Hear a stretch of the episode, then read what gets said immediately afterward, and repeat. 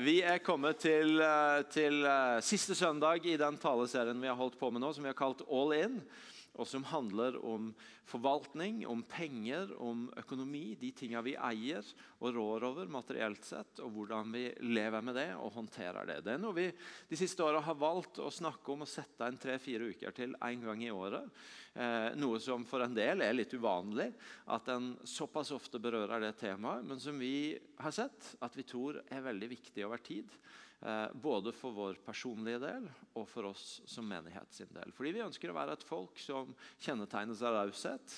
Og, og, som samtidig også kjennetegnes av god forvaltning og av visdom knytta til hvordan vi forvalter det som vi har blitt satt rå over. Eh, og så er det sånn at Bibelen snakker masse om penger.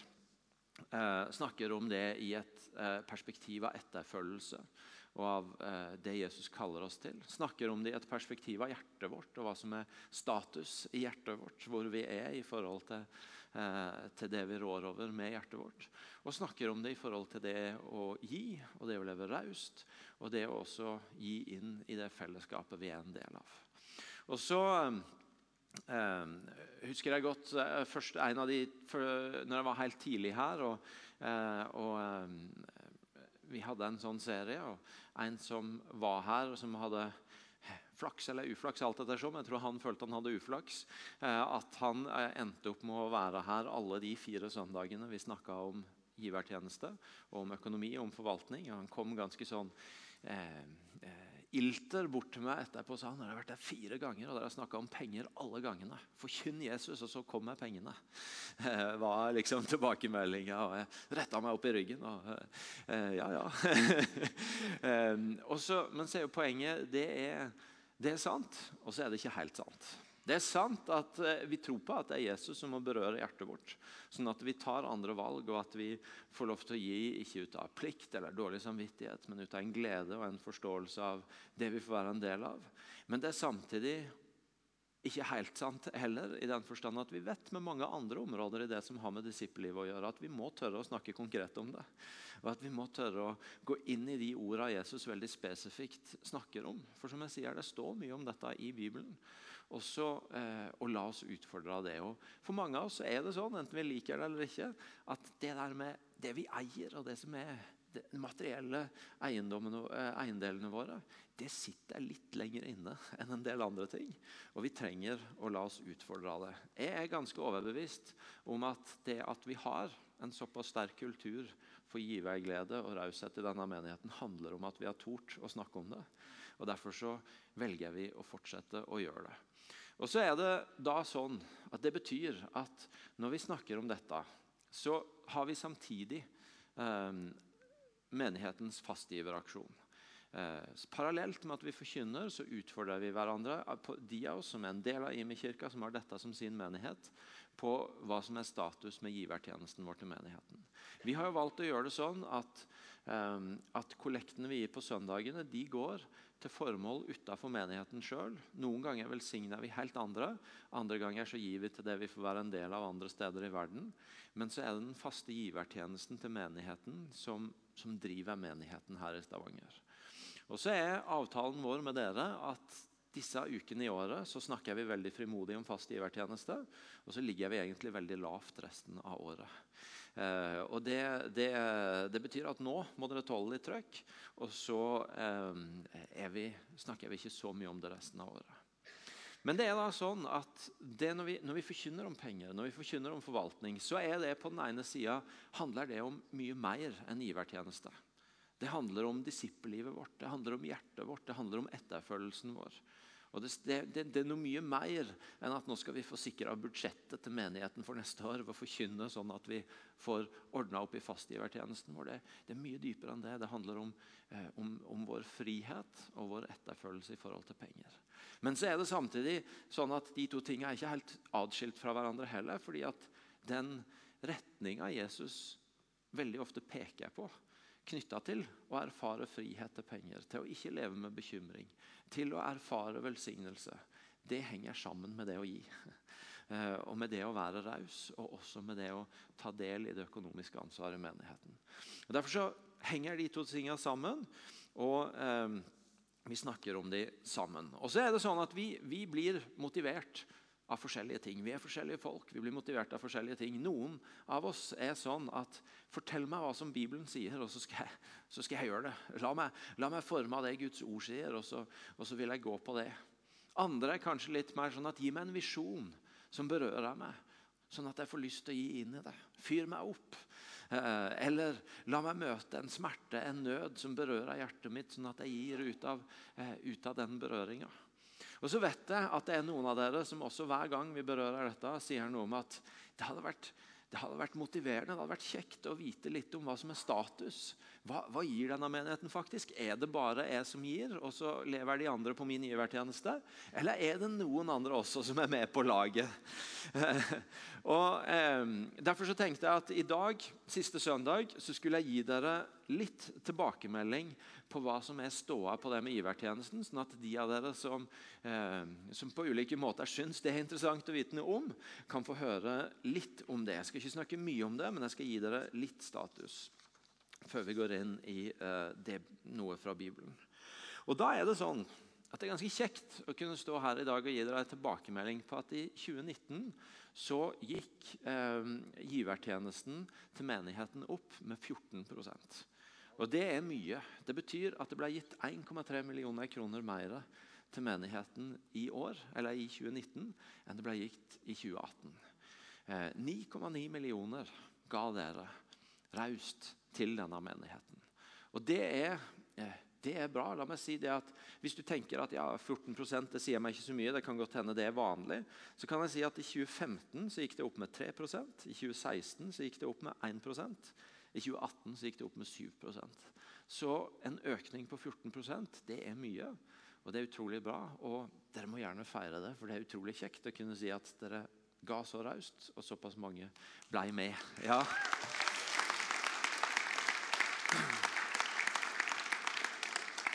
I tillegg så ble det gitt 3,5 millioner i kollekt i 2019, altså på gudstjenester, på Åpen himmelkonferanser, på de arenaene hvor vi også gir sånne takkegaver som vi nettopp ga til barnehagen på Solborg. Det var 350 000 kroner mer enn året før. og Det betyr at vi er tett opp mot 13 millioner kroner totalt som dere som menighet, vi som menighet ga i løpet av det året. Og det betyr at Ved siden av de 9,9 til å drive menighet, så er det altså 3,5 millioner som gikk til misjonsarbeid i Kambodsja, i Thailand, Agenda 1 og andre steder. Men også til å velsigne aktører her lokalt.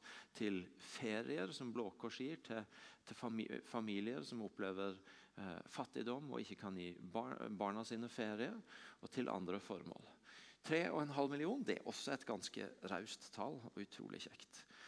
Og eh, så er det jo sånn at ofte så snakker han om et sånt 20-80-prinsipp i menigheter. At 20, prinsipp, 20 prinsipper, ja, 20% står for 80% Ofte av frivillighet og innsats, og sånn, men også av det som har med givertjeneste å gjøre.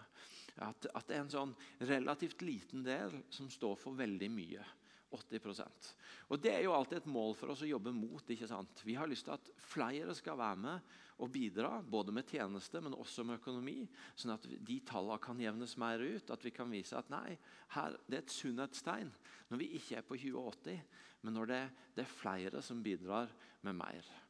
Og så er de tallene med prosenttall sånn, det er alltid litt sånn, Du må lese de eh, litt sånn forsiktig, fordi vi har jo forskjellig utgangspunkt. Sånn at eh, Vi har forskjellig utgangspunkt også for hvor mye vi kan gi, og, og hvor mye vi rår over. Men allikevel så er det gøy å kunne si at i 2019 så var det 20% ga 50% av giverinntektene. 40% ga 75% 20% ga 50% Det er et godt stykke bedre enn det 2080-prinsippet som en ofte opererer med, og som vi på en måte ønsker å jobbe mot. Og Det betyr at vi feirer at vi har tatt steg. De tallene er blitt bedre enn de var for to år siden. Det betyr at vi feirer at vi har tatt steg mot at det er flere som er med på å ta en større del av kaka og er med på å bidra. Og Det er utrolig kjekt. Og det er kjekt å kunne si at den sjenerøsiteten og rausheten dere viser, den er til inspirasjon for andre òg. Dette er noe av det jeg ofte blir spurt om når jeg besøker andre menigheter. Særlig dette med at vi har valgt å gi alle kollektene våre ut, og at det har blitt besvart av menigheten med en solid givertjeneste som gjør at det som menneskelig talt kunne se ganske uklokt ut, nemlig å ha økonomiproblemer og så si ok, da gir vi alle kollektene til noen andre, har faktisk blitt besvart med at nei, men vi har tatt tak i givertjenesten, og vi har fått en utrolig fin vekst og utvikling der. Så tusen takk for det. Og så er det selvfølgelig sånn at 2050 det er en oppmuntring. Og så er det en påminner om at det er mer å gå på. At vi kan ta flere steg, og at vi tror det er flere av oss som skal få bli invitert inn til å eh, ta et tydeligere ansvar og til å være med på å bære menigheten, også økonomisk. Hvis du lurte på det, så er vi en menighet som ikke er en del av den norske kirke sin økonomi, men som heller ikke er et eget trossamfunn utafor. Det betyr at vi uh, utenom noe kommunal støtte til barne- og ungdomsarbeidet vårt, så mottar vi ingen midler fra det offentlige. Vi lever Ja, vi Ja, nå må dere bli med. Jeg tror ikke Terje kommer til å gi seg før dere klapper med. Det betyr at, eh, at vi lever av det vi gir. Det betyr at vi lever av det vi gir. Så tusen takk for at dere er rause, for at dere er sjenerøse, og for at eh, jeg tror dere har lyst til å være med på å fortsette å bygge den kulturen. Og jeg skjønner hvorfor Terje drar i gang en applaus. For vi tror at det er en velsignelse for oss at vi må klare oss sjøl. Fordi det er med på å hjelpe oss til å både ta eierskap og til å bygge en giverkultur. Og som jeg sier, det handler ikke bare om et budsjett i en menighet, men det handler om vårt trosliv. Eh, og vi får drahjelp av at vi må ordne opp i dette her sjøl. Så med det sagt Var det ok? Da har dere fått en oppdatering? Ja, bra. Eh, så har jeg lyst til å si eh, litt ut ifra Guds ord òg. Vi har kalt serien All In denne gangen. Og for de som tror at det da er Eh, den siste krampetrekninga for, for, å få dere til å ikke bare gi tiende, men til å gi alt til menigheten. Gå all in. Så kan jeg oppklare at det er ikke helt sånn. Selv om vi gjerne vil utfordre hverandre på å vokse i giverglede og raushet. Men, men tittelen er der fordi vi ønska denne gangen å koble det med raushet og sjenerøsitet og forvaltning opp til det som har med overgivelse å gjøre.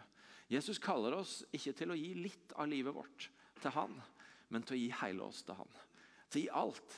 Til å gi hele hjertet vårt, til å gi hele, hele livet vårt eh, til han. I en forståelse av at alt vi har og gjør og forvalter, det gjør vi som etterfølgere av han. Det er ikke én del av livet vårt som er innramma av det, mens andre deler så er vi mer på frihånd. Men, men kallet er å ta hele livet og legge det ned foran han og spørre hva vil du bruke det til, Jesus? Hvor vil du lede meg? Hvem vil du forme meg til? Og Derfor så har vi kalt det all in og har prøvd å utfordre hverandre disse ukene på å gå all in i disippelskap, i etterfølgelse av Jesus. Geir han begynte for noen uker tilbake å snakke om nettopp dette, om etterfølgelse, om disippelliv, og kobla det til det med givertjeneste. Jeg snakka for eh, et par uker siden om knytta an til det bistandsministeren snakka om når han var på Impuls, hvor han trakk fram denne statistikken at de siste 20 åra har eh, nordmenn hatt en forbruksvekst på 50% Og så utfordrer han på er det, vil vi ha 20 år til med det samme. Eller skal vi ta oss sjøl og de som kommer etter oss, barna våre og ungdommene våre, inn i et annet liv, i en annen retning enn bare mer og mer og mer? Og så snakka vi om Matteus 6, hvor Jesus sier at der skatten vår er, der vil hjertet vårt være. Og snakka litt om hvordan det kan få utfordre oss på en annen tilnærming enn den forbrukskulturen vi har rundt oss. Og For et par uker siden igjen så var Martin på, og så snakka han nydelig om hvordan utgangspunktet er ikke at vi er all in, men at Gud er all in og er for oss. Og at han gir hele seg og alt det beste han har til oss. Og at det er utgangspunktet for at vi skal få gå og holde inn tilbake. For at vi skal gi oss sjøl få for gi oss selv og livet vårt og også det vi forvalter, tilbake til Han. Fordi Han begynte med å gi alt til oss. Og så skal jeg bare forsøke å avrunde i dag, egentlig ikke med å forkynne inn så mye mer til dere, men eh, egentlig ta dere med på et sånn høydeblikk over ei bok i Bibelen. Eh, ordspråkene. Eh, og se på hva den sier om forvaltning. Fordi jeg tenkte det er noe i dette her med penger og, økonomi og visdom. Guds ord sier at, eller Paulus han skriver at vi har ikke en ånd som gjør mismodig, men vi har fått en ånd som gir kjærlighet, kraft og visdom. Eh, det betyr at dette med økonomi, med penger, med forvaltning I den grad vi måtte kjenne eh, mismot eller skam eller nedtrykthet over, eh, enten over der vi er, eller over ting vi syns ikke blei som vi hadde tenkt, eller at vi ikke syns vi er noe gode på det, så er ikke det Guds ånd i oss. Fordi at Gud bruker aldri skam og mismot til å ta oss videre. Men vi har tilgang på den ånd som også vil gi oss visdom i møte med forvaltning, i møte med penger, i møte med hvordan vi rår over det vi har. Og Det tenker jeg at det, det hadde vært kult, nettopp også i perspektivet av hvordan ser det ut i et samfunn som er så fokusert rundt forbruk og rundt det materielle. Hvordan ser det ut å være en annerledes disippel, en annerledes menighet, et annerledes folk som forvalter med raushet og med visdom. Som har sjenerøsitet som et kjennemerke, men som en også kan si at de der de er kloke. De har visdom når det kommer til det de rår over, det de forvalter og det de eier. Um, og Da tenkte jeg ordspråkene det er jo boka til kong Salomo, han som var en av de viseste som har levd. Som ba Gud om visdom, og som fikk det. Og som har skrevet denne boka. Så jeg tenkte Denne uka så har jeg bare gått gjennom alle kapitlene i Salomos ordspråk. Og så har jeg huka ut alle de som ser ut til å ha noe med penger, økonomi, forvaltning å gjøre. Og så har jeg prøvd å kategorisere de litt i noen ting som det virker som Salomo snakker om når han snakker om visdom og penger. Men bare for å ha historien, for du som ikke eh, har den helt eh, øverst i hodet. Eh, Salomo, en av kong Davids sønner, som ung mann overtar som konge etter David. Og så er det denne episoden hvor Gud viser seg for Salomo i en drøm og sier, 'Be om hva du vil, jeg skal gi deg det'. Og Så svarer Salomo, gi da blant annet, Det er et langt svar, vi skal ikke lese hele, men han sier blant annet, 'Gi da din tjener et lydhørt hjerte, så jeg kan styre ditt folk' 'og skille mellom godt og ondt'. For hvem kan ellers styre dette folket så stort som det? Så Salomo han ber om visdom til å skille mellom godt og ondt, til å kunne skille ut hva som er eh, Guds vei, sånn at han kan lede dette folket. Og så er Guds respons til han, siden du ba om dette, og ikke om et langt liv eller rikdom eller død over dine fiender, men om evne til å høre hva som er rett, så vil jeg gjøre det du har bedt om. Nå gir jeg deg et hjerte som er så klokt og forstandig at din like aldri før har vært, og heller ikke skal komme etter deg. Sjøl det som du ikke ba om, vil jeg gi deg, både rikdom og ære. Så lenge du lever, skal det ikke finnes din like blant kongene. Så Gud han gir Salomo en anerkjennelse tilbake. Fordi at du faktisk gikk etter visdom. Ikke spurte om rikdom og ære, men du spurte om visdom. Og evnen til å skille mellom godt og ondt ut fra Guds perspektiv. Så skal du få det. Men så skal du få rikdom og ære i tillegg. Du skal bli velsigna. Og vi ser at det er det som skjer. Vi ser at det står om Salomo i kapittel 4 at Gud ga Salomo visdom, særdeles stor innsikt og en forstand som favna like vidt som sanden ved havets bredd. Og Det står i kapittel 10 um, ehm, at kong Salomo overgikk alle jordens konger i rikdom og visdom. Og Fra hele verden så søkte de Salomo for å lytte til visdommen som Gud hadde lagt ned i hans hjerte. Så kong Salomo han fikk visdommen, og så han, ble han velsigna med, med, rikdom og også med mye materielt og rå over på kjøpet. Og Da kan jo noen av oss bli litt nervøse fordi vi er, blir rett litt redd for det å koble på en måte Guds velsignelse og materiell velstand. Vi har noe historikk på at kanskje noen har vært litt ukloke i hvordan en har snakka om det. Og så har vi snakka om før, jeg om for et par uker siden også, at vi, vi har gjerne to grøfter der. Vi har de som kan snakke om det å ha mye å være rik eller å ha materiell velstand eller å rå over mye som at det er et tegn på åndelighet. Det betyr at Gud har velsigna deg, at du har mye og rår over mye. Og Det kan være ei grøft å gå i. Men det kan også være ei annen grøft å gå i, som er at det å ha lite egentlig er et tegn på fromhet og åndelighet. At du på en måte lever nøkternt og sparsommelig og med lite, og, eh, og gjennom det eh, viser fromhet. Og så har jeg sagt at jeg tror det er et godt startpunkt for oss er å ta tak i det Paulus sier i Filipperne 4, hvor han sier jeg har hatt mye, og jeg har hatt lite, og alt makter jeg i Han som gjør meg sterk. Med andre ord, Det handler ikke så mye om hva du har, som om hvordan du har det med det du har. Det handler ikke så mye om akkurat nå har du blitt satt over mye å forvalte, eller har du akkurat nå lite å rutte med. Men det handler om hvor er hjertet ditt, hvor er sjenerøsiteten din, hvor er forvaltninga di med det du faktisk har. Og Det er et godt startpunkt for å snakke om det, hvor vi ikke blir redd for å snakke om at ja, der er noe. Du kommer ikke unna i Bibelen at det er noe med en kobling mellom det å gå med Gud og oppleve velsignelse.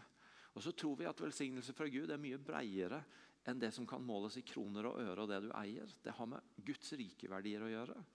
Men det kan også ha med at du rent materielt blir velsigna. Men det er ingen tvil om at du også kan bli leda inn i sesonger hvor du rår over mindre.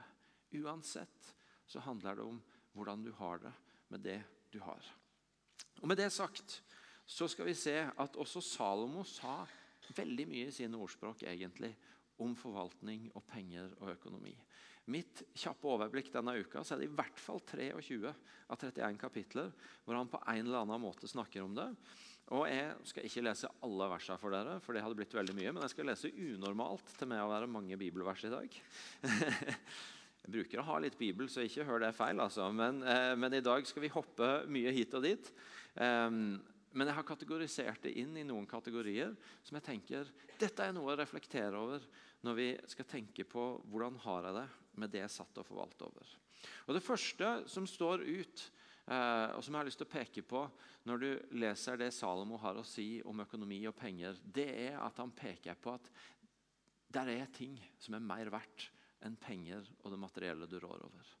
Er, han, han, er veldig tydelig på at eh, han, han snakker positivt om det å forvalte noe og det å bli velsigna og det å rå over noe. Men han er veldig tydelig på at det er verdier som er større og viktigere enn det du eier og det du har materielt sett. Han sier f.eks. i ordspråkene 3 fra vers 13.: Salig er den som finner visdommen og vinner forstand. For meg er hun verdt en sølv, hun gir bedre vinning enn gull. Hun er mer verdifull enn perler, og alle dine skatter er ingen som henne. Langt liv holder hun i sin høyre hånd, i sin venstre rikdom og ære. Så en veldig tydelighet på at det er ting som er mer verdifullt enn sølv og gull og perler. Og akkurat her veldig tydelig visdom, innsikt fra Gud. I kapittel 22 vers 1 så står det også at godt navn er mer verdt enn stor rikdom. Respekt er bedre enn sølv og gull. Så Det er i seg sjøl bare viktig å få med. Han, han, snakker om visdom, han snakker om respekt, om godt navn. Det er noen ting som Salomo peker veldig tydelig på. Dette er faktisk mer verdifullt enn hva du rår over. Og Det andre han sier rundt det, det er jo at vi, det vi rår over, bruk det til å få tak i mer av det som er enda mer verdifullt. La det du rår over, la pengene, la eiendelene dine få tjene du til å få tak i mer av ting som er enda mer verdifullt. Han sier f.eks. i ordspråkene 4, eh, vers eh, 5 og 7. Kjøp deg visdom, kjøp deg innsikt. Og i vers 7.: Viktigst er visdom. Kjøp deg visdom, kjøp deg innsikt med alt du eier. Med andre ord, bruk det du rår over, til å skaffe deg verdier som er enda viktigere. I dette tilfellet visdom. La de fortjene du. Det har vi snakka om før Og Ikke bli en tjener av det materielle, men la det fortjene du. Og det som er større verdier enn pengene og det materielle i seg sjøl i ditt liv. Og I fortsettelsen av det så snakker også Salomo en god del rundt dette med hva er det du fester din lit til. Han sier f.eks. i kapittel 11.: Rikdom er til ingen nytte på vredens dag, men rettferd berger fra døden.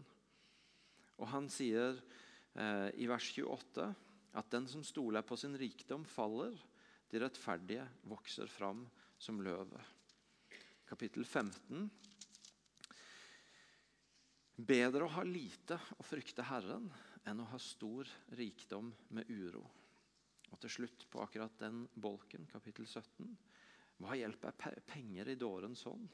Kan han kjøpe visdom når han ikke har vett? Med andre ord, Salomo er veldig tydelig på at du må være litt forsiktig med hva du fester din lit til. For Hvis du tenker at det er det du eier, er det at du eventuelt klarer å bygge deg opp en viss velstand eller rikdom som skal gi deg trygghet, så står du egentlig ganske ustøtt.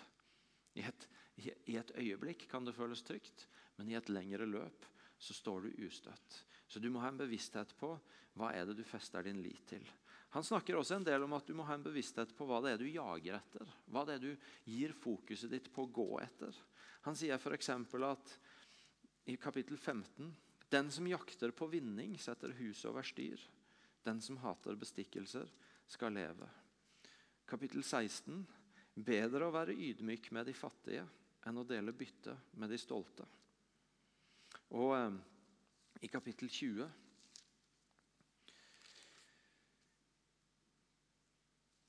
Ja, Det var det som skjedde i formiddag òg. Der har jeg skrevet ned feil vers. Så eh, det hadde ikke noe med saken å gjøre. det hele tatt. Men eh, siden jeg har så mange vers, så bare hopper vi videre istedenfor å lete etter det. Eh, da går vi til kapittel 23. Slit deg ikke ut for å bli rik. Hold opp, med det, opp med det, forstandig som du er. Når du ser etter rikdommen, er den borte. Brått får den vinger og flyr som ørnen. Og, fly, og flyr mot himmelen som en ørn. Med andre ord, der er noe om hva er det mest verdifulle. Hva bruker du det materielle eh, På hvilken måte bruker du det materielle til å gå etter noe som er mer verdifullt? Men også hva baserer du din trygghet på? Og her sist hva jager du etter? Hvis du gir fokuset ditt, eh, energien din, bønnene dine, kraften din primært på å jage etter mer og mer, så er jeg veldig tydelig på at det er ikke sikkert det er det klokeste du gjør. Det kan egentlig slå tilbake igjen på deg sjøl. Så Det var den første sånn, sekken i Salomos ordspråk som handler om å bare adressere fra Salomo. Der er noen ting som er mer verdt enn det du eier, det du rår over, det du forvalter. Det andre som slo meg når jeg gikk gjennom alle disse visdomsordene fra Salomo, og der det står noe om penger og forvaltning, det er at Salomo sier en del om integritet. Og om det å forvalte det vi har, og, og håndtere økonomi og penger på en måte som eh, står seg, som tåler dagens lys, som har integritet. Og Da er vi egentlig litt tilbake til det med etterfølgelse. At vi tror ikke på det å dele opp disippellivet vårt i at vi, vi, gjør de kristne greiene i kirka eller i menigheten eller når vi er på huskirke eller når vi er med andre kristne. når vi gjør de typisk kristne aktivitetene. Og så er det på en måte jungelloven og den sterkeste rett som gjelder når det kommer til arbeidsplass og business og penger og avtaler og handel. Nei, vi tror at også der så skal det vi, det vi gjør, eh, være prega av Jesus-etterfølgelse. Det skal kunne stå seg. Vi, vi snakka ved starten av året i år om, om, om, Jesus i bergpreken og hvordan han der utfordrer oss på å tørre å tro at hans vei til syvende og sist er den beste veien for oss. Det er den som står seg til slutt. Det er ikke alltid den raskeste veien til målet, men det er den som tar oss dit vi faktisk vil. Og Det gjelder forvaltninga vår òg. At vi ikke skiller ut de kristne greiene. Der kan vi ha Jesus-etterfølgelse. Også på jobben og i forvaltninga med pengene så kan vi litt mer gjøre som vi vil, bare vi får noen råe avtaler eller god fortjeneste. Men også der så skal det stå seg. Salomo sier f.eks. i kapittel 10.: Skatter vunnet med urett er til ingen nytte, men rettferdighet berger fra døden. Han sier også litt lenger nede i samme kapittel at den rettferdiges lønn bringer liv, det den urettferdige tjener, fører til synd. Han sier i kapittel 19 um, ehm, Troskap er det en ønsker av et menneske. Bedre å være fattig enn en løgner. Troskap er det en ønsker seg av et menneske. Bedre å være fattig enn en løgner. Og til slutt, i kapittel 28, vers 6.: Bedre å være fattig og hel i sin ferd enn å være rik og gå på krokveier. Bedre å være fattig og hele sin ferd enn å være rik og gå på krokveier. Integritet. Det å ta Jesus-etterfølgelsen inn også i forvaltning. Og ikke minst fordi jeg også måtte ha jobber hvor, hvor det å eh, skape verdier, hvor det å handle med verdier, hvor det å gjøre avtaler er en del av jobbvirkeligheten vår. Hvordan ser det ut å ta med seg Jesuslivet og la det få være eh, sette integritet også for den sida?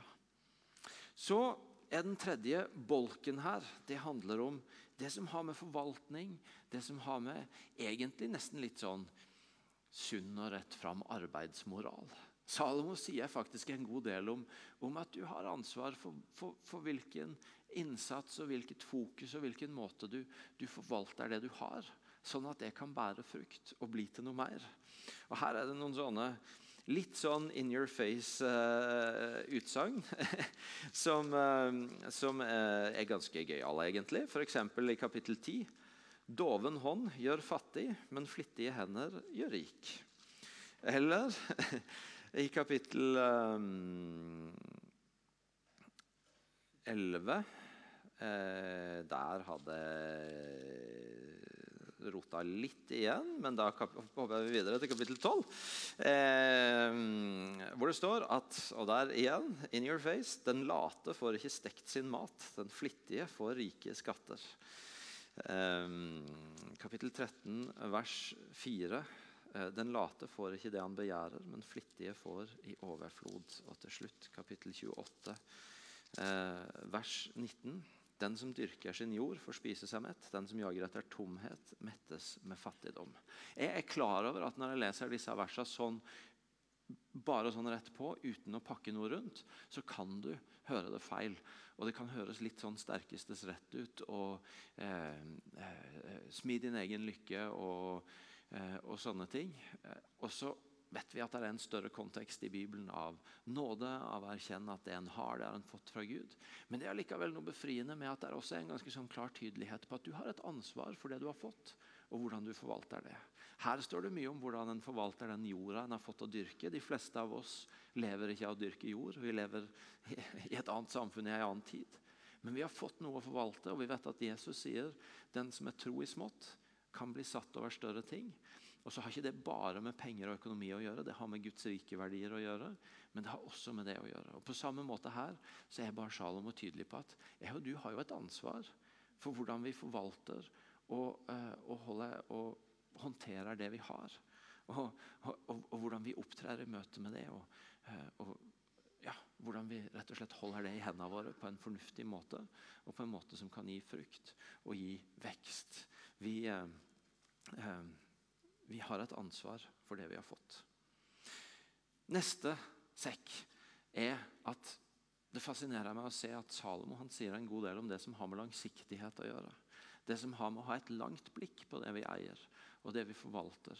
Og hvordan vi ønsker å, eh, å forholde oss til det og forvalte det. Han sier f.eks. i kapittel 8, vers 18, og da er det visdommen som taler og sier hos meg er velstand og prakt, rettferd og varig rikdom. Varig rikdom. Altså eh, en, en uh, rikdom som ikke bare er et blunk, som ikke er bare et blaff, som ikke nødvendigvis kommer så fort, men som allikevel har en varighet ved seg. Kapittel 13, vers 11 så følger han det opp med å si at lettvunnet rikdom minker fort. Den som samler jevnt og trutt, får mer. Høres nesten ut som et sånt kjent ordtak 'easy come, easy go'. Lettvunnet rikdom minker fort. Den som samler jevnt og trutt, eh, får mer. Og Mot slutten, kapittel 28, eh, vers 20 eh, se, eh, Der var jeg kapittel 29, ja. Eh, den trofaste blir rikelig velsigna.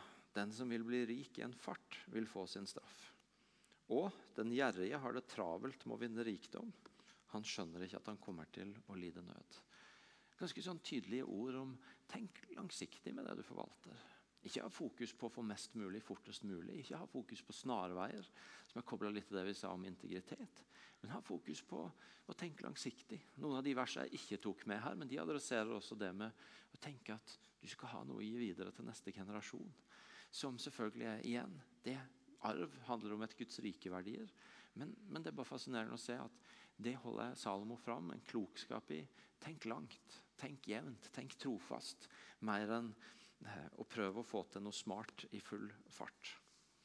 Og så trodde du kanskje ikke at Salomo sa noe om det, men nå kommer vi til det mot slutten. da. At Når Salomo skal snakke om visdom i forhold til forvaltning, så snakker han også en del om det å gi. Om det med raushet, og om det å gi ut. Han sier om at det er en velsignelse i det, og det er en tilbedelse i det å gi. Han sier eh, f.eks. i kapittel 3 eh, Gi Herren ære med det du eier, med førstegrøden av hele din avling.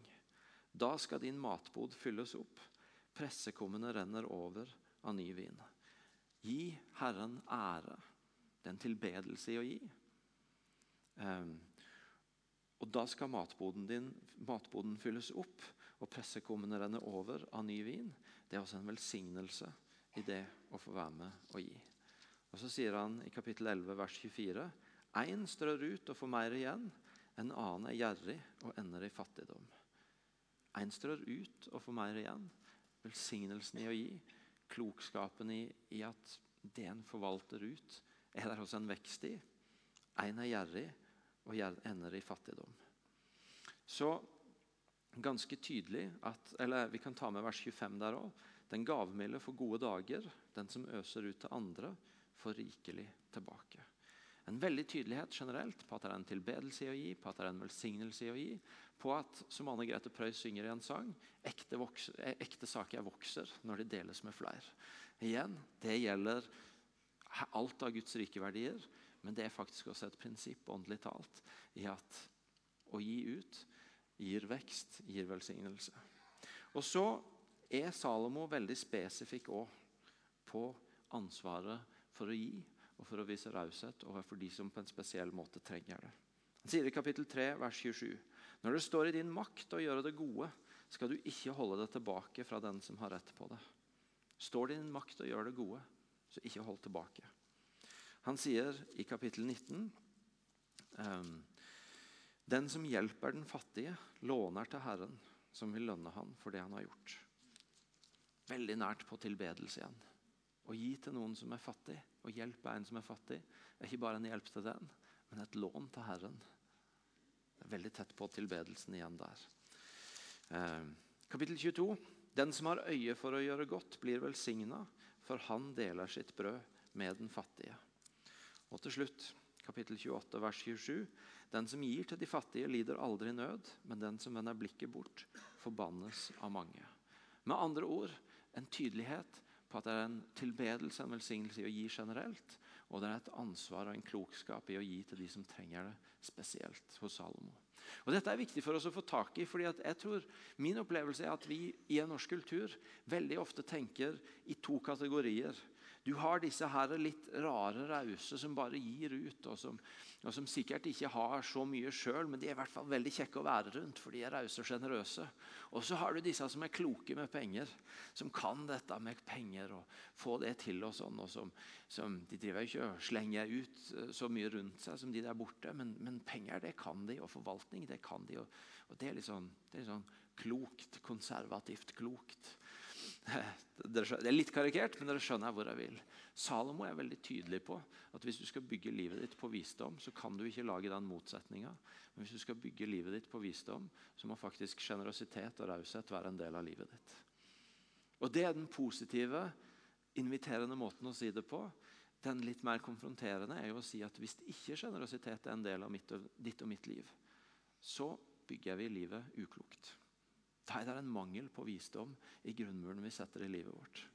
Det er en direkte kobling hos Salomo mellom sjenerøsitet, gavmildhet, vilje til å gi ut, og at du bygger livet ditt klokt og vist på en måte som står seg. Og Det kan de fleste av oss få utfordre oss på. At Har vi lyst til å ha en grunnmur å stå på som er bygd på klokskap, så må også rausheten og sjenerøsiteten få fortsette å utfordre oss.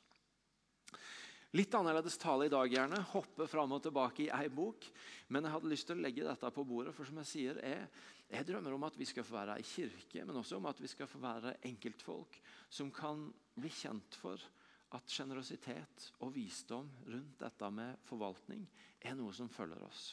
I en kultur hvor mer, mer, mer, hvor forbruksvekst og hvor fokus på det materielle ofte er så sterkt framme, så hadde det vært kult om vi det hadde vært kult om vi kunne være motkultur på det. I å ikke jage etter 20 nye år med, dobling, nei, med 50% forbruksvekst. Men det hadde også vært kult om verden rundt kunne si om de der disiplene, de kristne, de som følger han Jesus, at ja, de er rause, men de er også vise. De har begge disse aspektene med seg i måten de forvalter det de er gitt å forvalte på. Og Så går denne serien mot slutten, og det som er kjempeviktig for meg og for oss eh, i forhold til dette, det er at vi alle bruker denne muligheten denne gangen i året til å ta en ordentlig runde på hvor jeg er i forhold til mitt forhold til penger og det jeg eier, i forhold til forvaltning, i forhold til giverglede. Vi er på forskjellige steder, og det kan være forskjellige ting som utfordrer oss. Det kan hende at det har noe med hjerte, hjerteposisjonen din å gjøre. Bekymring, skam, uro. Redsel for å gi ut i frykt for at du ikke skal ha nok. Det kan ha med forvaltninga di å gjøre, uansvarlighet, eller at du på et vis bare har meldt deg ut av det å, det å ville ha en klokskap og en djervhet i det du forvalter. Men det kan ha med holdningene dine til raushet, sjenerøsitet, det å gi. Enten generelt, til de mulighetene du møter til å gi, eller spesielt også til den menigheten, det fellesskapet du er en del av. Og Derfor så vil jeg si, ikke la disse ukene gå fra deg uten å ha tatt en runde på det. Uten å ha snakket om det i hjemmet hvis du er en familie, med noen venner hvis du, eh, hvis du lever for deg sjøl. Og, og tatt en runde på hvor er jeg i forhold til det. En statussjekk på mitt forhold til forvaltning og til penger. For det er en stor del av livet vårt. Og vi har lyst til å bli forma av Jesus i måten vi forvalter det på. Skal vi reise oss opp og be sammen?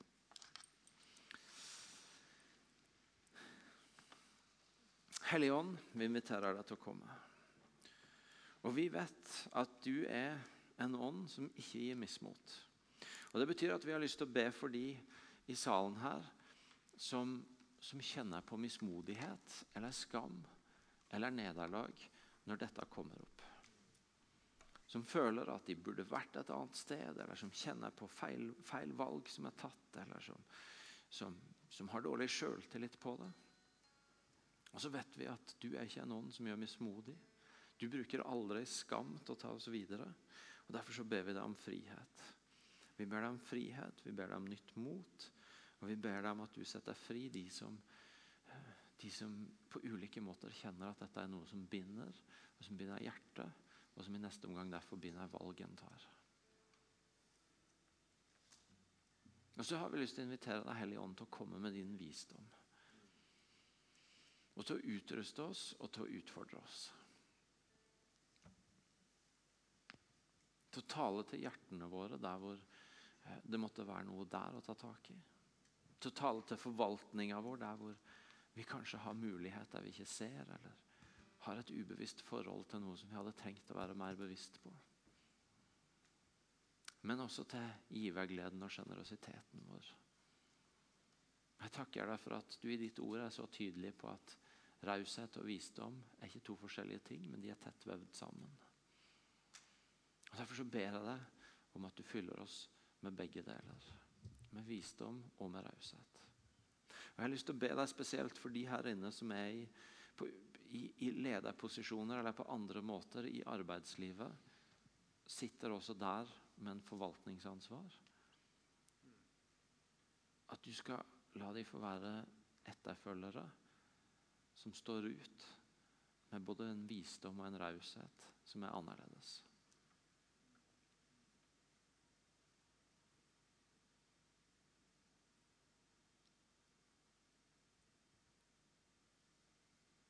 Så jeg har lyst til å be deg, Hellige Ånd, om for oss som menighet om det samme. at la, la, oss få fortsette å være på en reise mot å være et enda mer raust folk. Takker deg for all den givergleden som er. Og så har vi bare lyst til å fortsette å vokse i det. Og Samtidig at du lærer oss om visdom og forvaltning. Sånn at uh, vi også som kirke og som menighet kan være prega av begge deler.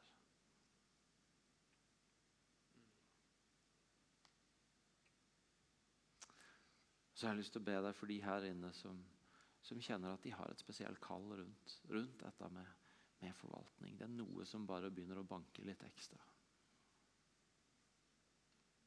Reise opp. Reise opp Jesus like forvaltere.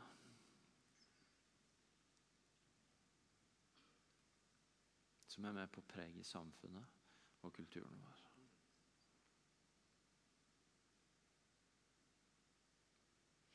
Til slutt, Hellige Ånd, inviterer jeg deg til å komme nær den enkelte av oss. Og til å vise hvordan dette skal få utfordre og ta den enkelte av oss videre i vår vandring. Sånn for den enkelte.